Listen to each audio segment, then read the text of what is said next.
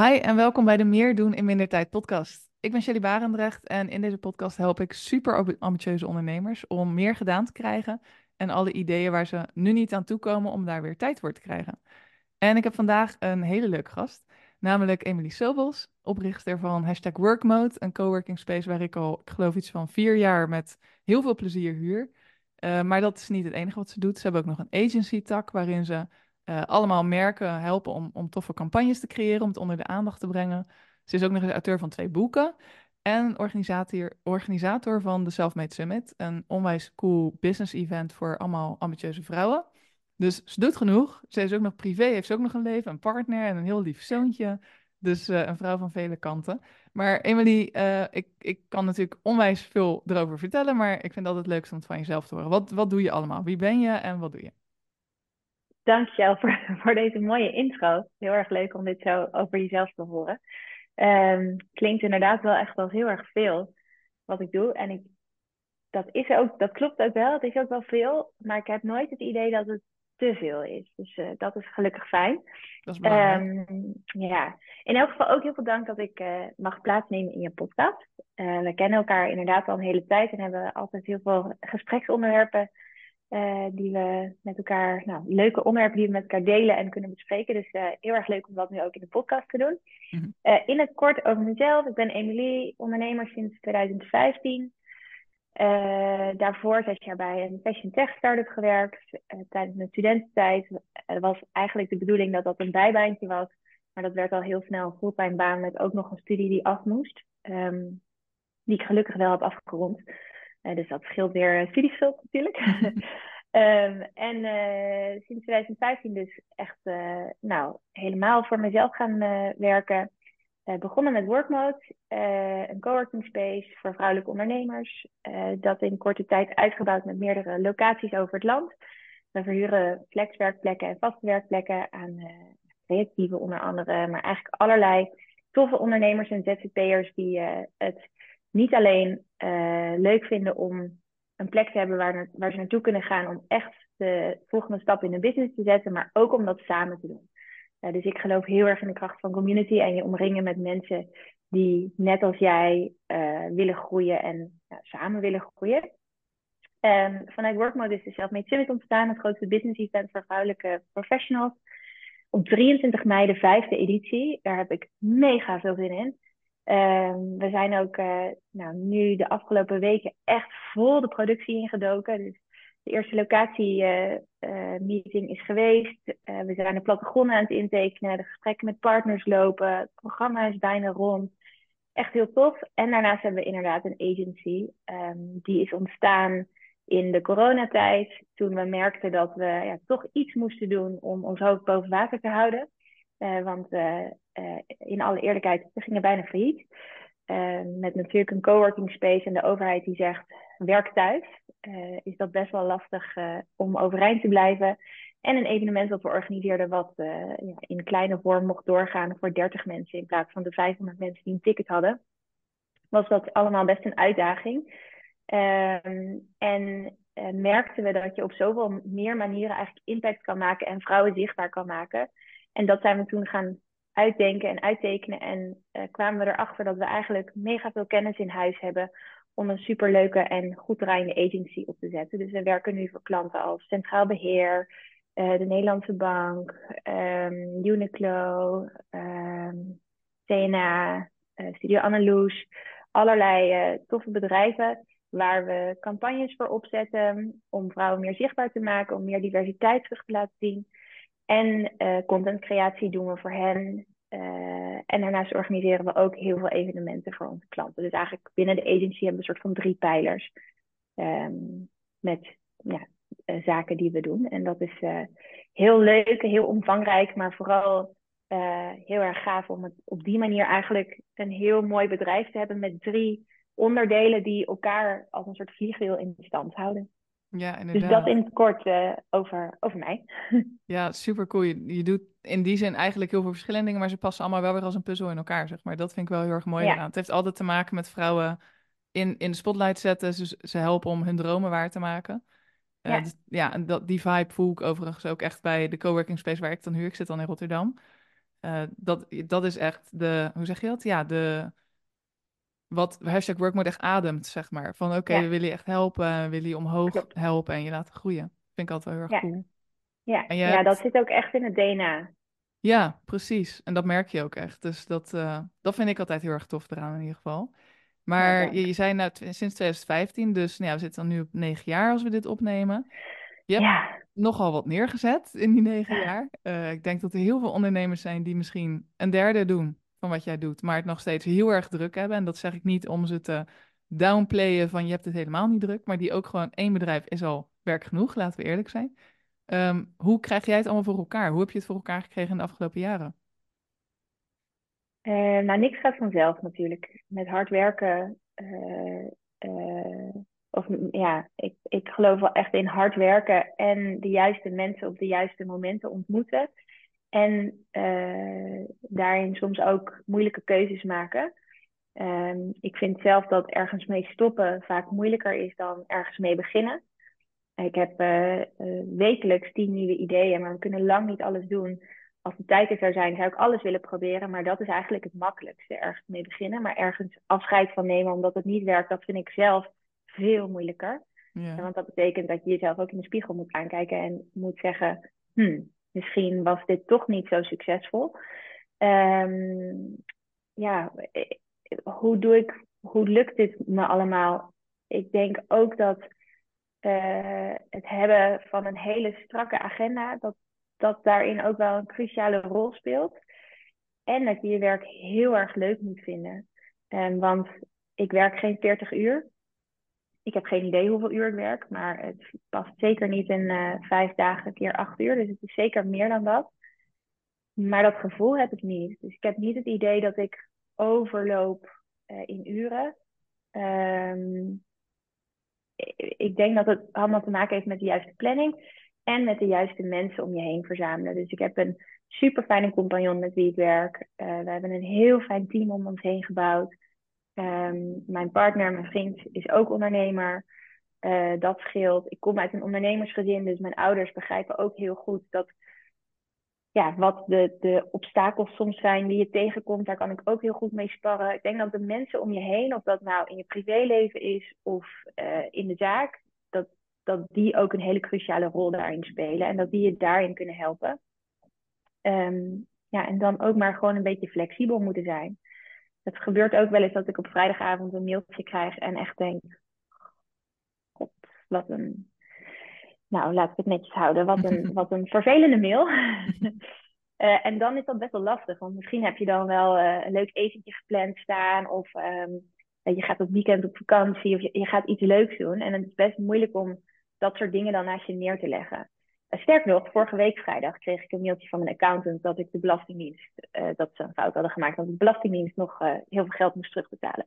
Mm. Nou, dat is dan echt super irritant. En dan kan ik me dan heel erg over opvreten, maar dat mag niet heel veel langer duren dan een half uur. Want anders is het zonde. Dat is gewoon weer een uitdaging voor de maandag. Um, dus flexibel zijn en, je, en heel snel kunnen schakelen in het omgaan met tegenslag en positief nieuws. Als het op mhm. werk aankomt. Want privé is dat toch wel weer wat anders, vind ik. Ik denk dat dat wel uh, key daarin is. En ja, de, een hele strakke agenda planning heb ik, uh, hou ik er ook wel op na. Ja, nee, die vind ik natuurlijk interessant vanuit mijn oogpunt. Uh, wat, wat, betekent voor jou een strakke agenda, een strakke planning? Hoe pak je dat aan?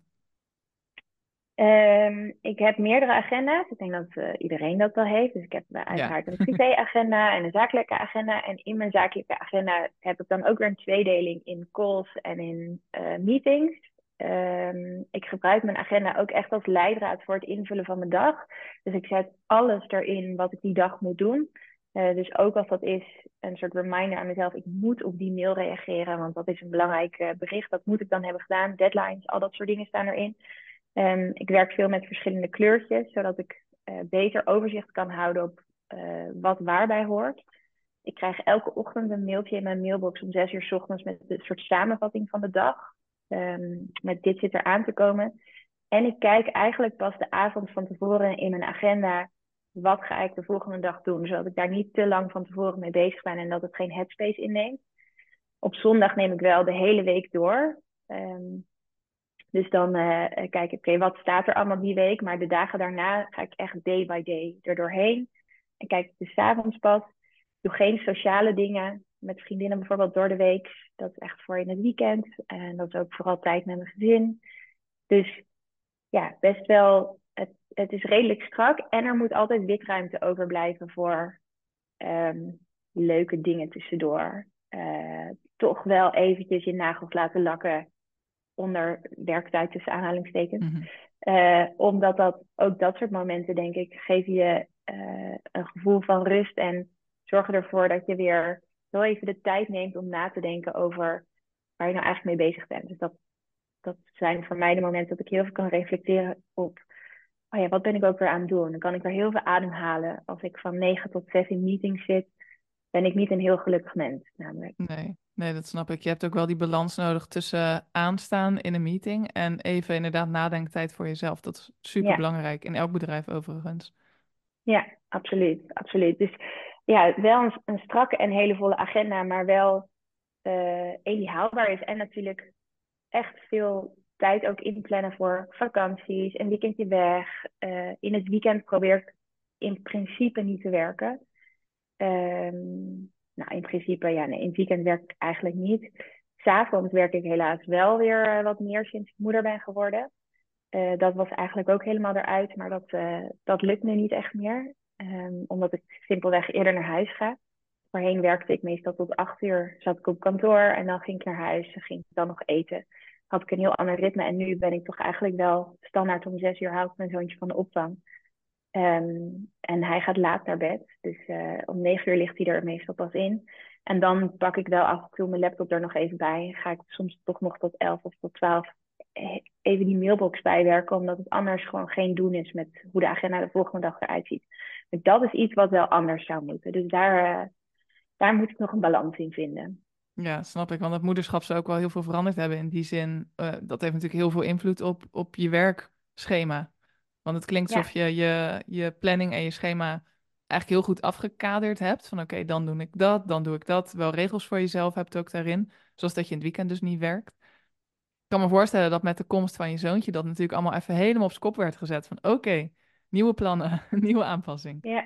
Hoe ging dat? Ja. Nou, ik had het, voordat hij er was, uh, werkte ik dus ook echt s'avonds niet. Dus had ik gewoon heel keurig eigenlijk een uh, ja, maandag tot vrijdag werkweek. Uh, en ik ben niet een enorm ochtendmens, dus ik ben altijd om half tien pas op kantoor. En dan werkte ik dus tot acht uur. Nou, dan, kan je best wel wat uren maken. Um, maar met zijn komst ja, stond dat allemaal even helemaal op zijn kop. En ik denk ook wel dat het goed is geweest. Want um, hierdoor ga je uh, ook keuzes maken in je bedrijf met dingen die misschien toch niet zo belangrijk zijn. Dat je daar toch afscheid van neemt. Je wordt wat strenger ook daarin. Uh, want uiteindelijk, at the end of the day, word ik het allergelukkigst van tijd met hem en mijn gezin doorbrengen. Dus die tijd die moet er ook zijn. Uh, ik vind het bouwen aan mijn bedrijf mega leuk. Hou ik heel veel energie uit. Um, en ik zou uh, zeker niet bijvoorbeeld drie dagen willen werken. Want nou, ik krijg gewoon heel veel energie van om met mijn bedrijf bezig te zijn. Maar uh, uh, ja, het moet wel wat meer in balans zijn. Dus je wordt gewoon wat strenger, denk ik, in de keuzes die je maakt in je bedrijf. Waar je tijd en je aandacht naartoe gaat. Want je hebt iets minder ruimte overdag om daar tijd aan te besteden. In elk geval, in mijn geval of zo. Dat geldt natuurlijk voor alles wat we vandaag bespreken. Dat uh, ja, de, de, de dingen die ik heb geleerd, die gelden vooral voor mij. En ja, ja niet voor iedereen misschien zo. Nee, ik denk dat dat altijd zo is. Uh, ik heb toevallig eerder vandaag een podcast opgenomen over een inkijkje in mijn agenda, waarbij ik ook inderdaad honderd keer zeg, weet je, dit is hoe het voor mij werkt en dat is ook omdat mijn bedrijf zo is ingericht, maar neem het nou niet klakkeloos over, want dat, dat werkt mhm. niet.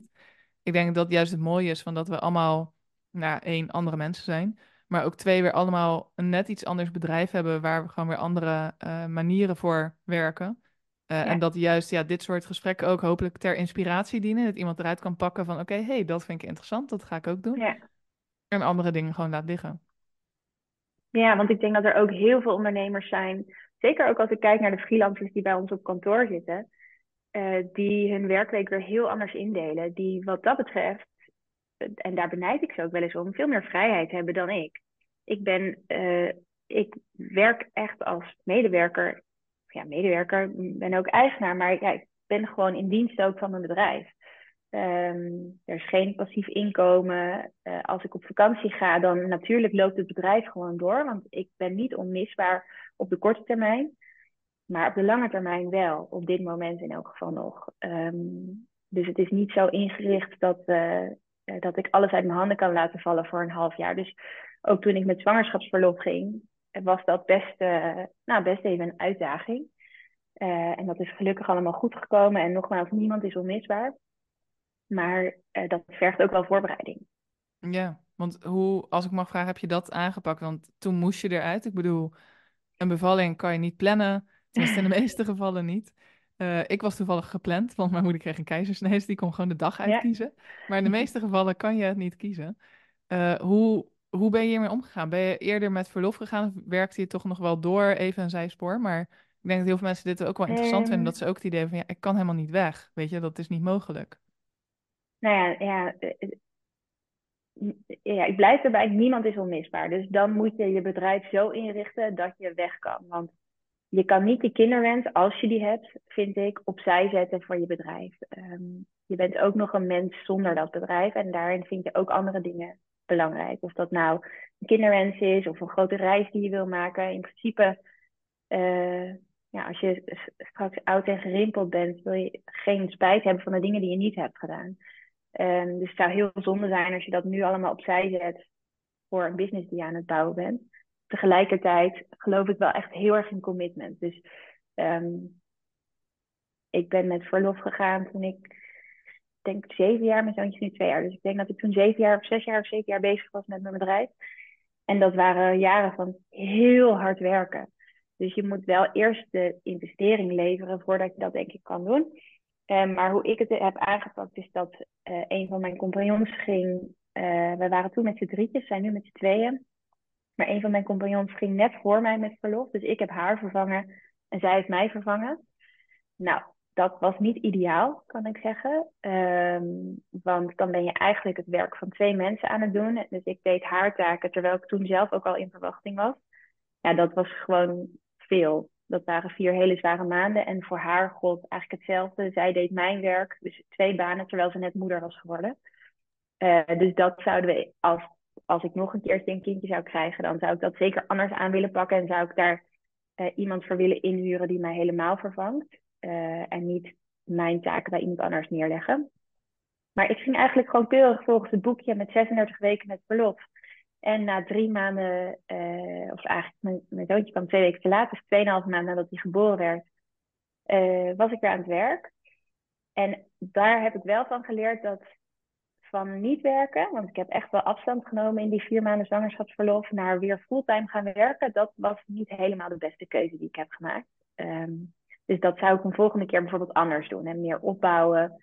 En bijvoorbeeld beginnen met twee of drie dagen en dan na een paar weken weer naar vier en dan naar vijf. Ja. Um, want dit was uh, wel een heel grote overgang. Dat, uh, dat vond ik wel echt heftig. Ja, inderdaad. Je bent nog aan het wennen aan je nieuwe rol als moeder. En dan ineens moet je terug in die oude rol van hardwerkende ondernemer, terwijl je leven totaal is veranderd natuurlijk.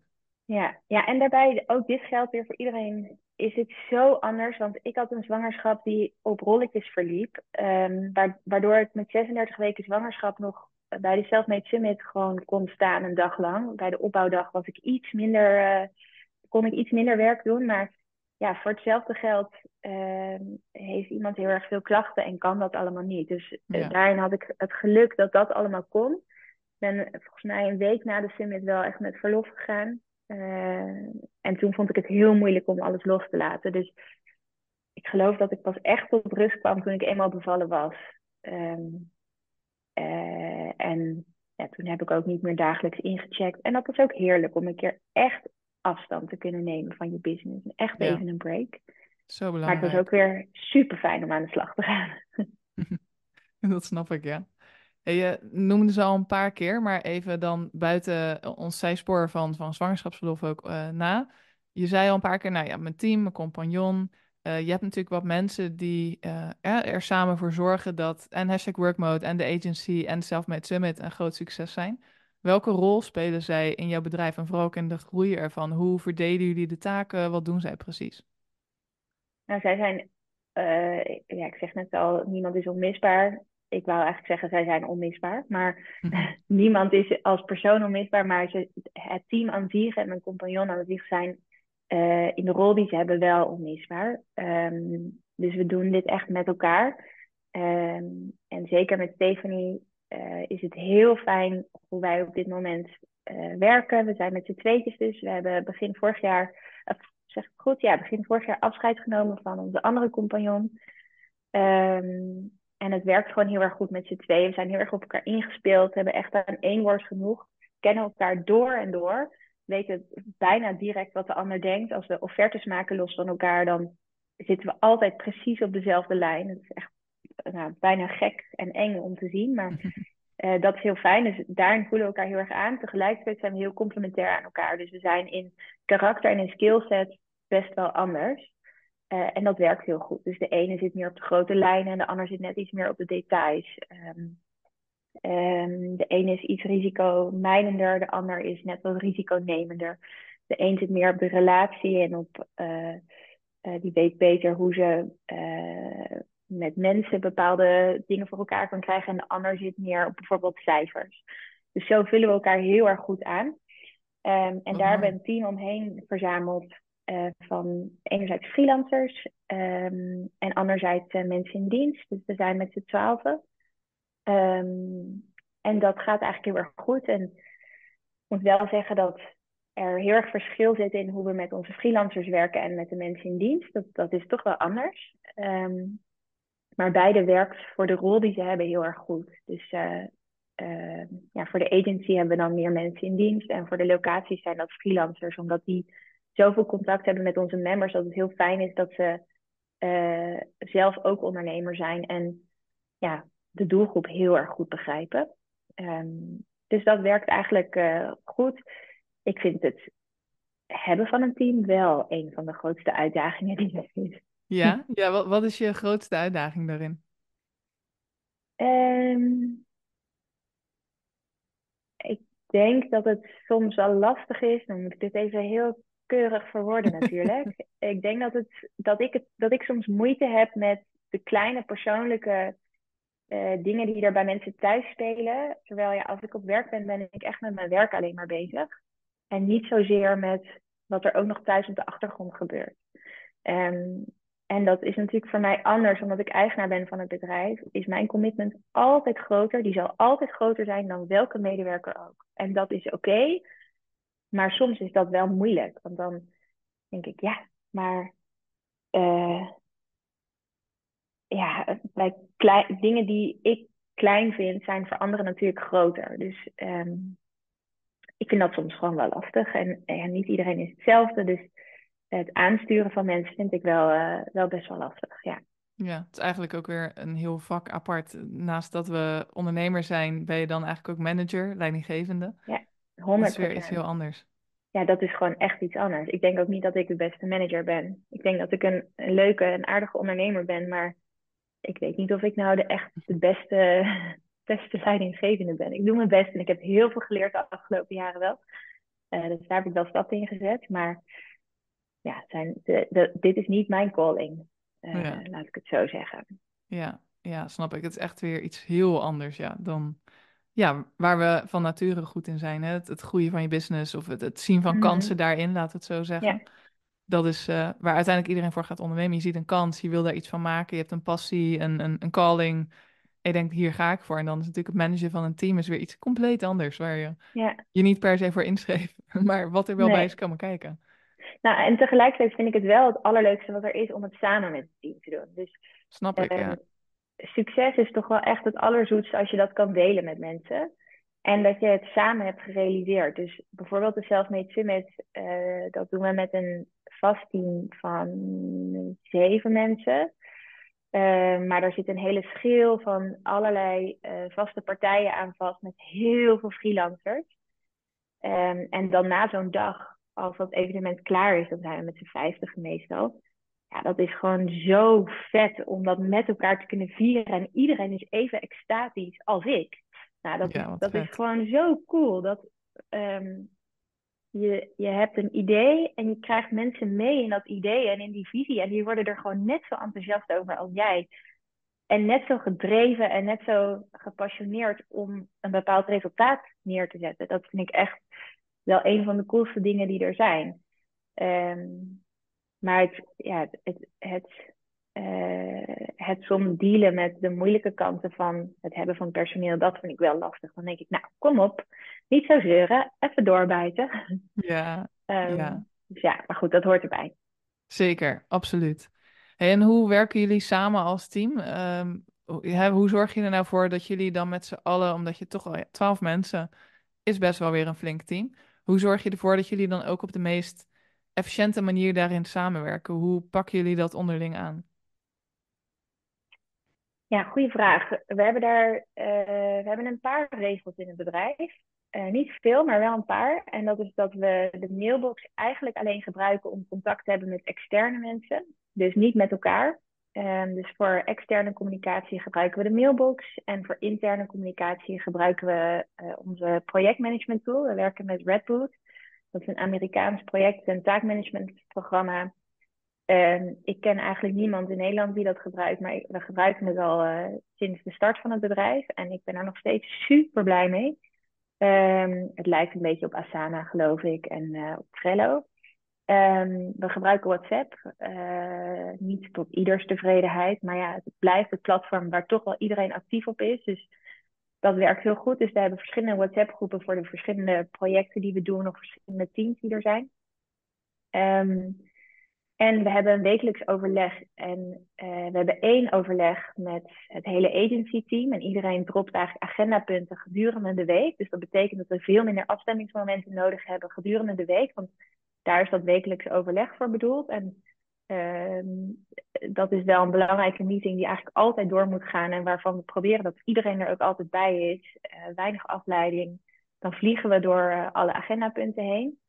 Uh, en we doen eenzelfde soort wekelijks overleg in net een iets andere samenstelling. Dus bijvoorbeeld alleen met de locatiemanagers of um, alleen met de projectmanagers. Om even weer de neuzen allemaal dezelfde kant op te krijgen. Um, daarnaast uh, denk ik dat het heel belangrijk is om flexibel om te gaan met dingen zoals uh, vakanties, het ruilen van dagen vind ik eigenlijk altijd prima.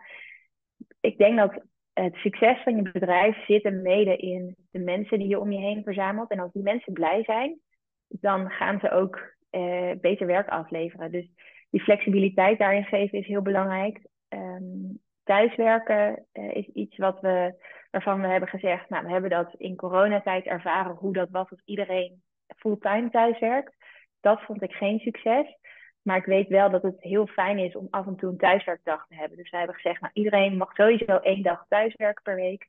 Um, en dat werkt eigenlijk heel erg goed. Dus ja, allemaal van dat soort kleine experimenten. We hebben ook wel eens geëxperimenteerd met onbeperkt vakantiedagen. Nou, dat vond ik dan niet zo'n succes. Mm um, allemaal van dat soort dingen proberen we wel. En uh, ik denk dat flexibiliteit en de manier waarop je uh, aanspreekbaar bent voor de mensen om je heen, dat dat heel belangrijk is.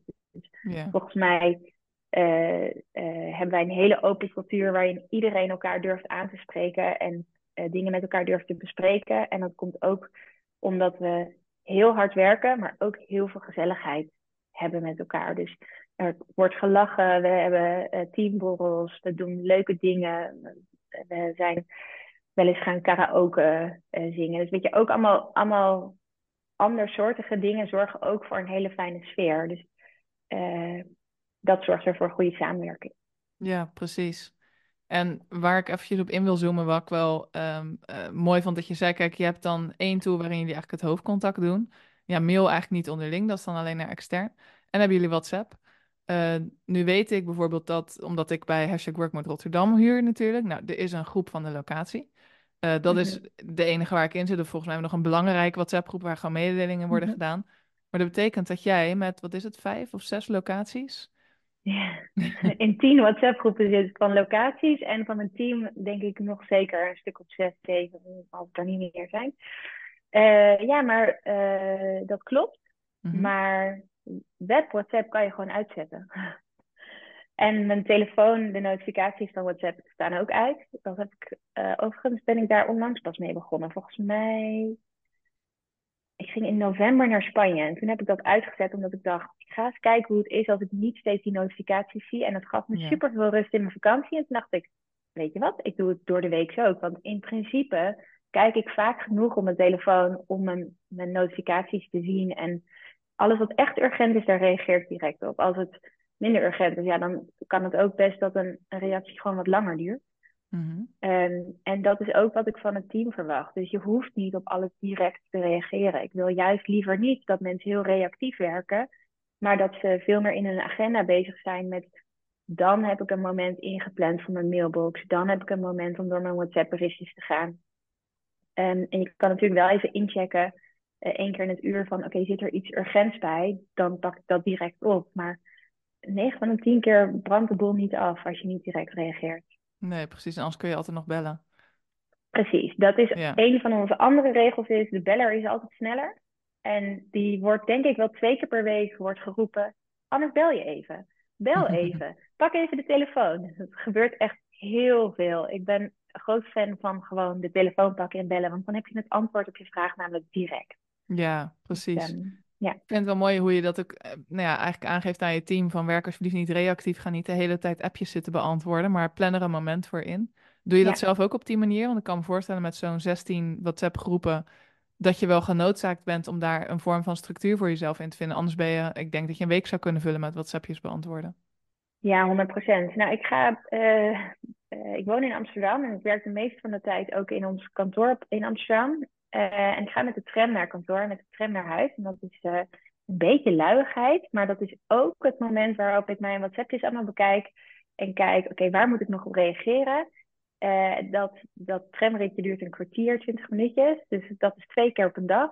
Nou, dan kan ik precies de, de dingen die ik nog moet reageren, die dus wat minder urgent waren, daar reageer ik dan op. En dan archiveer ik ze. Dus ik ben wel een uh, groot fan van de archiveerbutton in WhatsApp. En zo probeer ik wel mijn WhatsApp altijd helemaal bijgewerkt te hebben. Um, maar de afgelopen weken had ik ook wel veel dagen dat ik ja, echt van s morgens vroeg tot s avonds uh, meetings had of calls had. Omdat de summit op dit moment zoveel tijd inneemt. Dan loop ik daar wel op achter.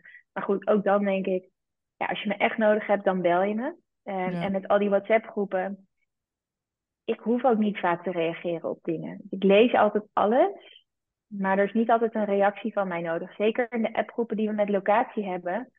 Ik lees alles, maar een reactie is echt niet altijd nodig. Dus um, het is niet zo heel erg als ik het niet direct op dat moment zie.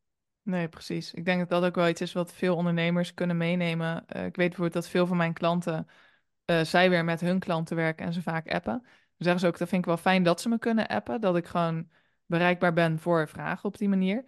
Maar er zit natuurlijk altijd een balans tussen. Moet ik meteen antwoorden? Uh, en vaak voelen ondernemers dan toch wel die druk heel erg van... ja, maar iemand heeft een vraag gesteld. Nu moet ik ook wel gaan antwoorden. Ik denk, hoe jij het doet, dat nou ja, vind ik in ieder geval mooier voor iedereen om mee te nemen. Niemand verwacht dat jij meteen op dat moment klaar zit en antwoord. Anders bellen ze je wel, anders gebeurt er wel iets anders. Maar het mag best even wachten. En als je dan een vast moment hebt per dag waarop je dat even doet, is dat natuurlijk ideaal. Ja, precies. Ja, het is, het is natuurlijk eigenlijk een beetje gek als je dat ook verwacht van mensen. Want dan kiest degene die dat bericht stuurt uit wanneer jij klaar moet zitten om te reageren. Terwijl ja, dat, je kan helemaal niet in elkaars agenda kijken. Nee. Um, met belangrijke klanten bijvoorbeeld, als die een appje sturen, dan probeer ik wel snel te reageren. Um, dus binnen een dag of binnen een paar uur. Maar ja, je kan niet direct opspringen en, en altijd maar aanstaan en klaarstaan. Dat is gewoon onmogelijk om dan uh, alles draaiende te houden. Daarin is het misschien ook wel belangrijk om voor jezelf heel goed duidelijk te maken wat hoofd- en bijzaken zijn en wat prioriteit heeft. Um, ik moet ineens denken aan toen ik vroeger mijn uittreksels maakte op de middelbare school. Dat vond ik altijd onwijs leuk om uit boeken echt een samenvatting te maken en dan alles op te schrijven. En zo leerde ik alles van mijn proefwerk altijd. En ik denk dat ik toen ook wel heb gemerkt hoe belangrijk het is om die hoofd- en die bijzaken van elkaar te scheiden. Uh, en dat ik daar misschien ook wel goed in ben geworden. Dus dat ik ook wel ja, sommige dingen vind ik gewoon minder belangrijk.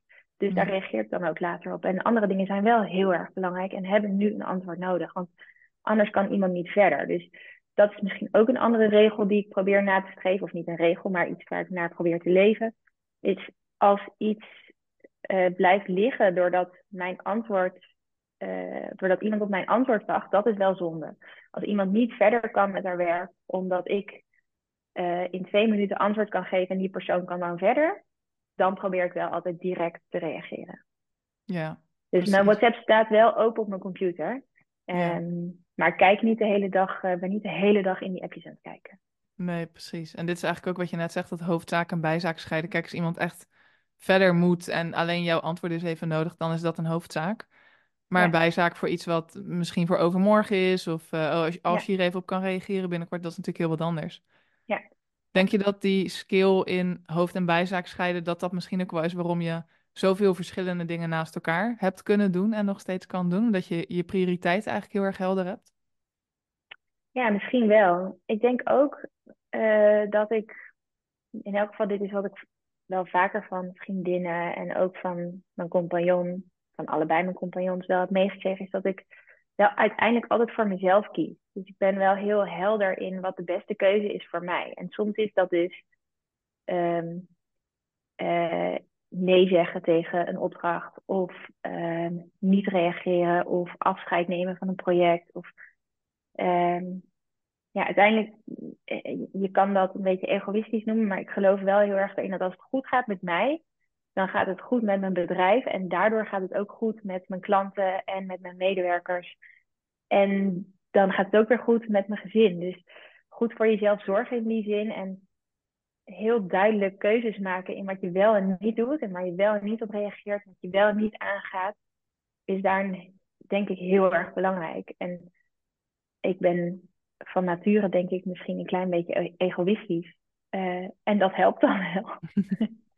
Ja, maar ik denk wat jij zegt, daar ben ik het heel erg mee eens. Dat als het met de ondernemer achter bedrijf goed gaat, gaat het met bedrijf ook goed. Want ja. hoe meer ruimte en tijd en overzicht jij hebt, hoe meer je kan betekenen in je business. En uiteindelijk, wat je ook doet met je bedrijf, helpt dat weer de missie die je hebt. Ja, precies. Precies, maar daar moet je dus wel, als je, zelf, als je jezelf op één zet, um, en dat is iets anders geworden nu ik moeder ben, want ja, mijn zoontje staat uiteindelijk echt op één. Um, maar ja, toch ook wel uh, ja, bepaalde dingen niet doen of nee zeggen tegen bepaalde dingen. Dat, dat vind ik wel echt heel belangrijk ook. Ja. Um, en daar heb ik niet zoveel moeite mee. Omdat ik dan denk, ja, maar ik wil dit eigenlijk helemaal niet. Ja, precies. Dus waarom zou ik dit dan doen? Dan, ik doe mezelf er geen plezier mee. Dan ben ik jou misschien een plezier aan doen, maar mezelf niet. Dat betekent niet dat ik nooit wat voor een ander moet doen.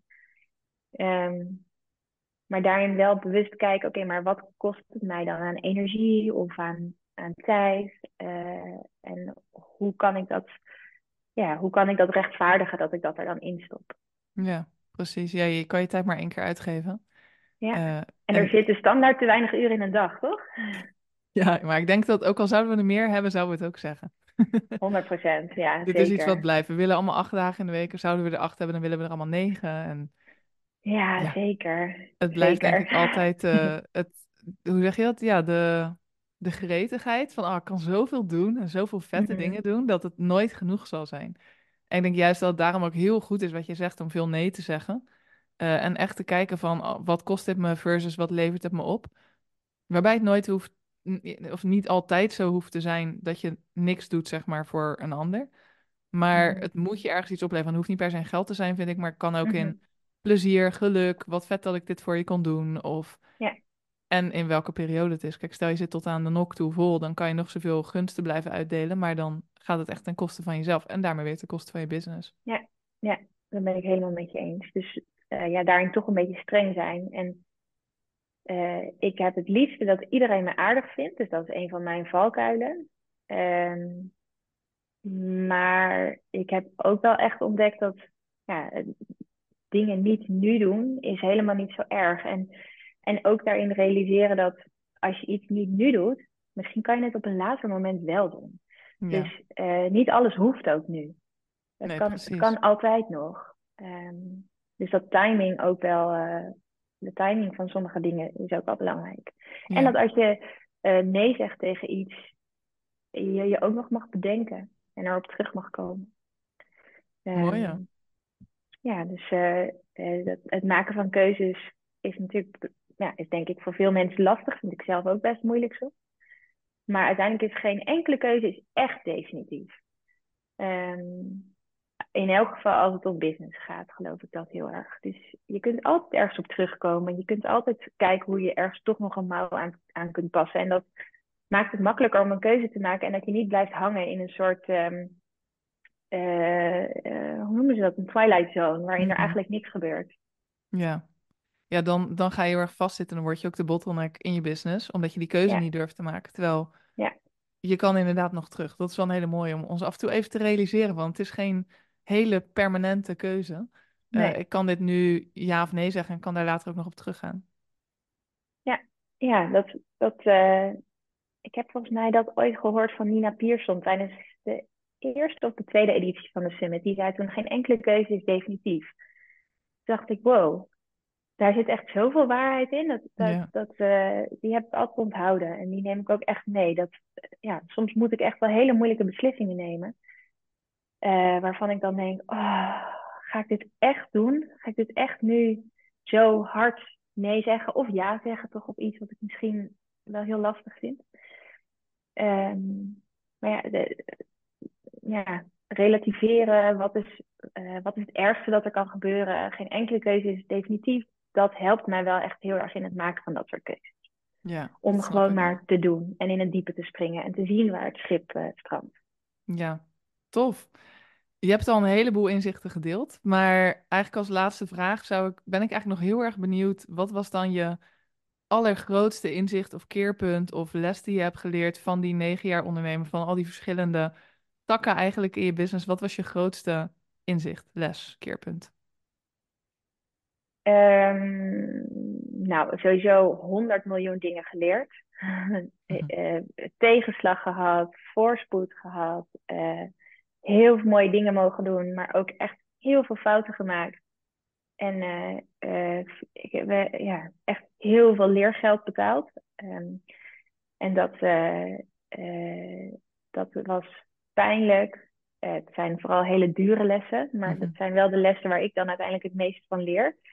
Ik denk dat mijn belangrijkste inzicht, eh, wat een beetje cliché zit, want, of cliché is, want ik denk dat iedereen dit wel weet, maar ik heb dit toch nu echt al zo vaak ervaren dat ik denk, moet ik wat mee? Je gut feeling volgen is echt het allerbelangrijkste. Ik heb mensen aangenomen waarvan ik misschien eigenlijk aan het begin wel dacht, hmm, ik weet niet of dit helemaal een match gaat zijn, maar ach, laten we het proberen. We gaan het wel zien. En dat is eh, niet erg, want daar leer je dus van. Maar diep van binnen wist ik eigenlijk wel dat het niet de, beste match was. Of eh, heel lang in een samenwerkingstraject blijven hangen, omdat het zo tof zou kunnen zijn. Maar eigenlijk diep van binnen weet je wel dat dat misschien niet eh, de richting is die je graag op zou willen gaan. Dus toch nog beter op je gevoel durven vertrouwen. Eh, dat is denk ik voor mij eh, wel een hele belangrijke geweest. Ik heb altijd heel erg veel op gevoel gedaan. Maar dat ik nog meer op durf vertrouwen, dat, eh, ja, dat je dus je beslissingen, dus eigenlijk toch nog meer nee zeggen, omdat je diep van binnen weet dat het geen succes gaat worden. Dat, dat heb ik wel nu al zo vaak ervaren dat ik denk, ja, ik wist dit eigenlijk van tevoren. Waarom heb ik dit dan toch gedaan? Ja, vaak hebben we echt wel zo'n onderbuikgevoel, hè, van dit Ja, wordt hem volgens mij niet, maar nee. dan willen we Maar toch goed, een het kans is ook, geven. het- ja, en het is toch ook lastig om eh, de kriebel in je buik van het onbekende te scheiden van de kriebel in je buik van, hmm, dit is een slechte beslissing. Dat, dat vind ik wel soms nog moeilijk. Van wanneer is iets angst en wanneer is iets gewoon spanning voor het onbekende? En moet je Ja. toch gewoon springen? Ehm, dat is soms nog een beetje lastig, maar eh, nou, eh, hoe ouder ik word, hoe meer ik mezelf leer kennen. Dat geloof en ik. eh, hoe beter ik dat soort beslissingen durf te maken. Ja, soms pakken ze natuurlijk ook fantastisch uit. Ik neem aan dat de Selfmade Summit ook echt is ontstaan vanuit zo'n gevoel van, oh my god, dit is mega spannend, maar dit moet er wel komen. Want je hebt nu in, op, in mei, 23 mei zei je, Ja, is er weer een Dan is- editie. Dat is de Ja. vijfde editie dat is de hoofd. vijfde en dat Ja. wordt ook de grootste tot nu toe. Ehm, ja, de Summit is daar wel een goed voorbeeld van. tegelijkertijd ook weer niet. Want met de Summit had ik nooit gedacht dat het zo groot zou zijn. En had ik van tevoren geweten wat hier allemaal bij kwam kijken, dan had ik het misschien niet gedaan. Ehm, dus ik ben misschien daarin ook wel een persoon die de grote dingen soms wat kleiner maakt en denkt van, ach, dat proberen we even, ach, dat, dat doen we wel even, toch? Hoe moeilijk kan het zijn? En dat is een heel leuke eigenschap, want dan ga je dus dingen proberen die je anders misschien niet doet, omdat je bang bent dat het niet lukt. Maar het zorgt er ook wel voor dat je soms tegen een muur loopt en denkt van shit, waar ben ik aan begonnen? Nu moet ik het afmaken ook. Uh, en zeker de eerste editie van de Summit was daarin wel eentje waar ik mezelf heel erg ben tegengekomen. Want uh, toen hing alles nog in mijn eenmanszaak. Um, nou, dan ben je privé aansprakelijk. Uh, ik had totaal onderschat wat deze productie zou kosten. welke tijd en met name financiële investering daarmee gepaard ging hoe groot het risico was als het niet zou lukken. Uh, ja, ik, ik, weet niet of ik het dan, als ik dat allemaal had geweten, of ik het dan ook had gedaan. Nu, terugkijkend, gelukkig uh, gaat het nu hartstikke goed en eh, zijn we heel veel lessen rijker.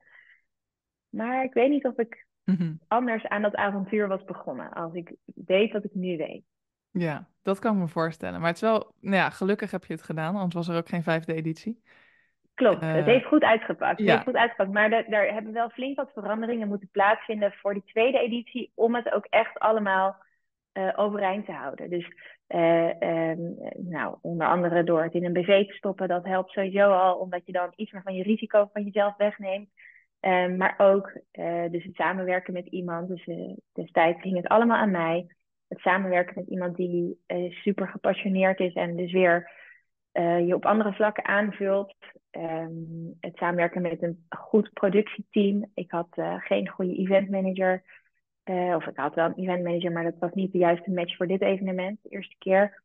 Um, en daarbij een evenement produceren op die schaal, dat is gewoon echt een completely, hoe zeg je dat? Een, een, echt een heel ander soort van uh, schaalgrootte dan een evenement voor 50 mensen bijvoorbeeld. Ja. Um, en ik dacht, ja, hoe moeilijk kan het zijn? Het is maar tien keer groter. Hoe moeilijk is dat? nou, is wel uh, iets moeilijker. Iets anders. ja, het is wel net even anders. Maar uh, het gaat goed. En zeker nu voor de vijfde editie, ja, het wordt zo waanzinnig vet. De locatie is net bekendgemaakt. We hebben een super toffe line-up met sprekers. Um, het is weer heel erg divers. Dus de verschillende thema's, de verschillende mensen die komen spreken. De ticketsale gaat goed. De partners uh, die zich, uh, met wie we in contact zijn, die zich of soms zelf aanmelden of die we benaderen, zijn allemaal onwijs enthousiast. Dus het voelt wel nu met vijf edities alsof we eindelijk de vruchten kunnen plukken van alles waar we zo hard voor hebben gewerkt de afgelopen jaren. En we zijn er zeker nog niet. We zijn nog steeds heel erg afhankelijk uh, van onze sponsoren, van de ticketverkoop. Maar langzamerhand komt er een soort systeem in en krijgen we het een beetje in de vingers. En uh, nou, zijn we gewoon weer met iets heel erg tofs bezig. Dus daar heb ik heel veel zin in. Wat vet, ja, dat kan ik me voorstellen. Kunnen mensen nog kaartjes kopen die nu luisteren? Zeker, de early birds zijn wel net uit de verkoop, maar er zijn nog smart bird tickets voor alle slimme mensen onder ons die denken, hey, ik wil nog wel van een dealtje profiteren. Uh, volgens mij kan je tot 1 april je smart bird ticket kopen en dan krijg je een dikke korting op de ticketprijs, dus dat kan ik zeker aanraden. Um, en uh, voor de mensen die denken, nou dan wil ik ook nog wat extra's, dan kun je eventueel nog een VIP-upgrade kopen en dan kun je nog bij het VIP-evenement op 14 maart zijn. En dat wordt ook weer heel erg tof. Daar kan ik nu nog niet te veel over verklappen, maar uh, dat, uh, dat wordt ook weer heel bijzonder. Maar ik weet niet of, wij, of dit voor 14 maart al wordt uitgevonden eigenlijk. Ja, zeker, zeker. Deze wordt ruim voor die tijd wordt die er al online geplaatst. Dus als je luistert en je denkt, oh my god, ik moet even kijken. Nou ja, eh, ik zal wel even een linkje naar de, de ticket, of gewoon even naar de website. Kunnen mensen even kijken, wat is het zelf met Summit nou? En ook al luister je dit dus later dan dat, want er zijn ook heel veel mensen die podcast veel later luisteren. Ja. Uh, kan je eventjes kijken of er nog tickets zijn en of je wil gaan. Superleuk. Waar kunnen mensen jou online vinden, Emilie, als ze gewoon jou als ondernemer willen volgen? Op Instagram ben ik actief en op LinkedIn. Um, en ze kunnen natuurlijk de Selfmade Summit en Workmode volgen op Instagram en LinkedIn. en uh, nou, ik hoop vooral iedereen op onze locaties te zien en op de summit. Um, en uh, ja, uh, we hebben al genoeg eigenlijk over de summit verteld. Maar ik denk dat het goed is misschien om alleen nog te zeggen dat. Um, en misschien dan ook daarmee af te sluiten. Dat het netwerkgedeelte op de summit. Ik denk dat jij dat ook kunt beamen, Michelle, want je bent er geweest.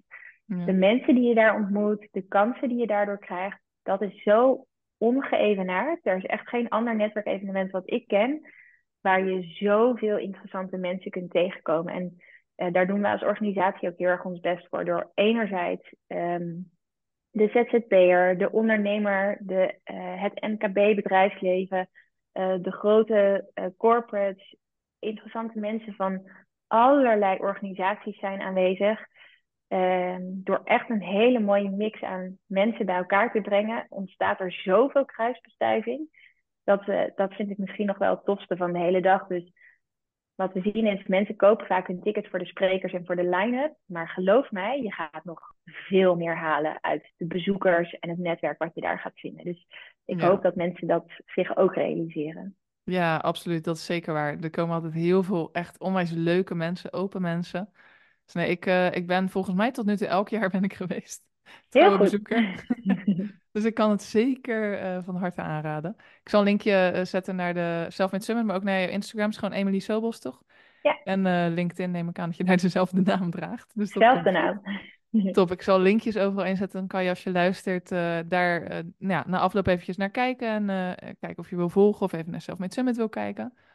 En ik denk, Emily, dat je dit met me eens bent. Ik ben echt super benieuwd wat mensen uiteindelijk uit dit gesprek halen. Uh, als ze denken, oh, er is al een inzicht in wat ik echt, waar ik echt iets mee kan, wat ik net even moest horen. Superleuk als je met ons deelt natuurlijk. Dus ja, ook linkjes. Uh, ja, is altijd leuk om te horen. Dus mocht je nou denken, oké, okay, ik wil even iets kwijt. Dit vond ik vet, of dit vond ik leuk, of dit moest ik horen. Um, Emily's uh, Instagram en LinkedIn heb je net gehoord. Ik ben op Instagram at hashtag.lifegoals. Hashtag gewoon uitgeschreven als woord.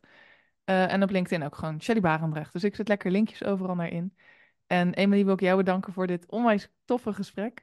Bedankt voor het delen van al je inzichten. En jij ook, Shell. Superleuk om zo met elkaar te sparren en uh, te kletsen. Ja, super tof. En voor als je luistert, onwijs bedankt voor het luisteren. En wie weet, tot bij een volgende aflevering.